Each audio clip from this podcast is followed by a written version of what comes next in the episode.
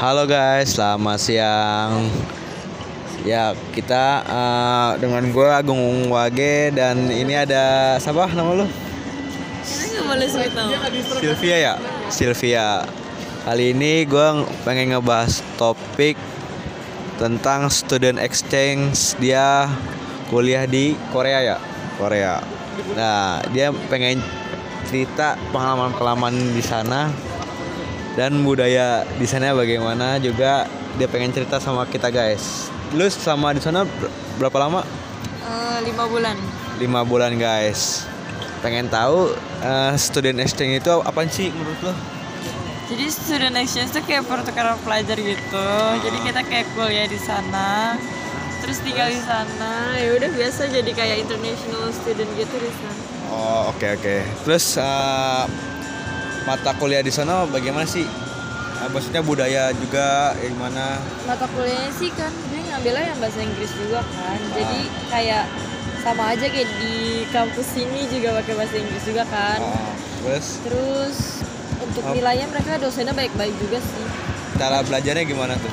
cara belajarnya kayak gue sih sama ya tapi orang-orang Korea tuh kayak ambis banget gitu loh misalnya ujian dua minggu lagi tapi mereka udah belajar dari minggu-minggu sebelumnya gitu loh terus Woi.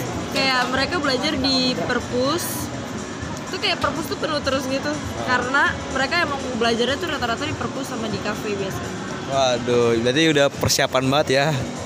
Mau ujian dua minggu sebelum ujian belajar terus sedangkan lu belajarnya enggak gue hamin dua sih baru belajar Aduh, emang gitu sih guys.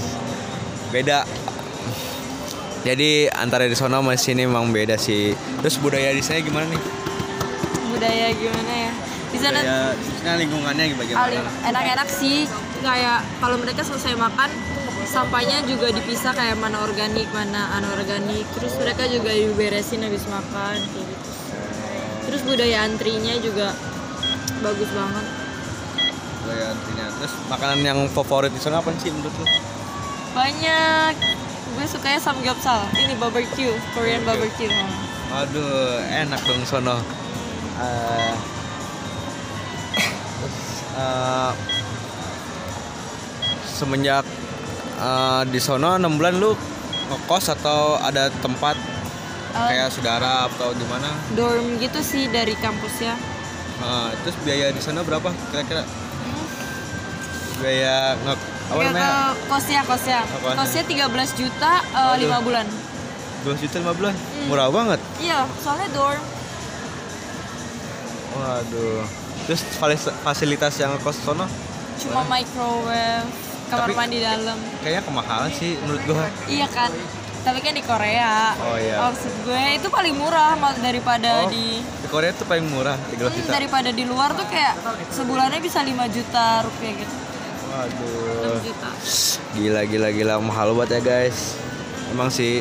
Terus eh, buat anak-anak muda menurut lo kasih motivasi dong buat anak-anak zaman sekarang gimana? aku gak bisa Buat, buat buat orang yang udah pengen apa sih namanya exchange exchange sana bagaimana? bisa lah exchange doang mah kalau dari kampus lo Adre. kalau dari kampus lo emang nyediain jalur yang bener-bener kayak kampus gue gitu pasti gampang lah Oke oke. Oke baik guys. Nah, kali ini wawancara sudah kelar dan terima kasih. Selamat siang, selamat beraktivitas.